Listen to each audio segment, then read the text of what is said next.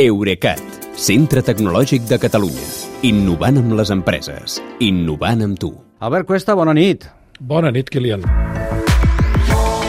Avui ens vols explicar un aspecte tèrbol de les noves ulleres de Zuckerberg, del teu amic, eh, pel mm. metavers, però mm. abans hi ha una bona notícia. Sí, i tant, i tant, i tant. Català, que ja ha començat a arribar a les aplicacions de Spotify, eh?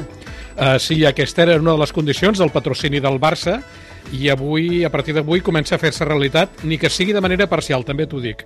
En concret, l'única aplicació de Spotify que ja inclou el català clarament és la dels mòbils amb sistema Android. Si tens el sistema operatiu Android en català i actualitzes l'aplicació de Spotify, començaràs a veure els menús en català. I si no els veieu així, actualitzeu l'aplicació perquè funciona. D'acord. I els altres aparells? Uh, encara no. Aviam, se suposa que l'aplicació d'iPhone també està en català, però quan jo he mirat hi, havia, hi, hi eren alguns textos, però no els menús. Jo imagino que ho aniran arreglant.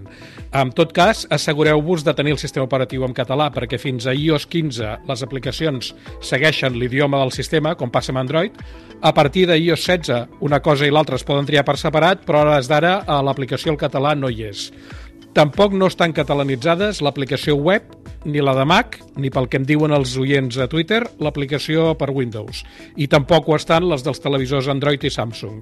Però és que la veritat és que afegir un idioma nou a una plataforma ni és mai immediat ni és generalitzat. Jo crec que s'anirà ampliant, s'anirà extenent. Amb els mòbils Android, de fet, Spotify ja té cobert un bon gruix dels usuaris. Anem ara al teu amic Zuckerberg, eh, que ja fa dies que devia esperar perquè no en parlaves. Eh, dius que ha presentat unes ulleres que no t'acaben de... de què? D'agradar, de, de barrufar, que tu dius?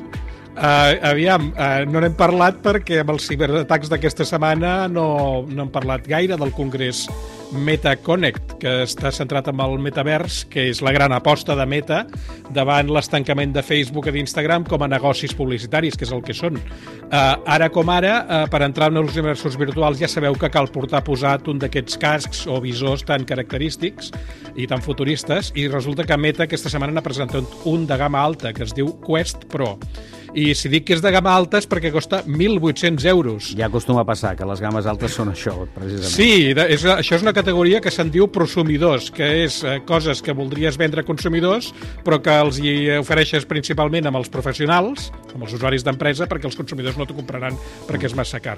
A veure, aquests 1.800 euros són quatre vegades més que el model actual de, de visor de Meta, que es diu Quest 2, i eh, tècnicament el, el, el preu està justificat, perquè el processador és més potent, porta més memòria, més capacitat de magatzematge i porta pantalles de més qualitat. A cada ull hi veus 1.800 per 1.920 píxels i la pantalla s'actualitza cada amb 90 Hz, eh, que són 90 cops cada segon, vull dir que déu nhi La qualitat d'imatge deu ser espectacular.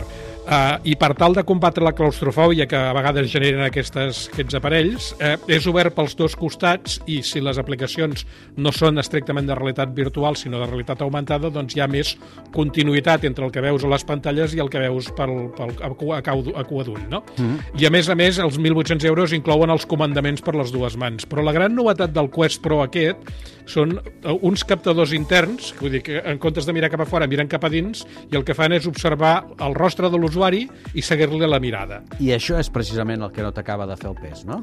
Uh, no, aviam, uh, reconec que tècnicament ho trobo impressionant, perquè gràcies a això el teu avatar al metavers, saps, la teva rèplica virtual, uh, imita les teves expressions facials, vull dir que si tu fas una ganyota, ell també la fa, si tu somrius, ell també somriu, però és que tractant-se de meta, jo no puc deixar de pensar que acabaran fent servir aquests sensors també per veure com reacciones als anuncis que segur, segur, segur et posaran a dins de les aplicacions.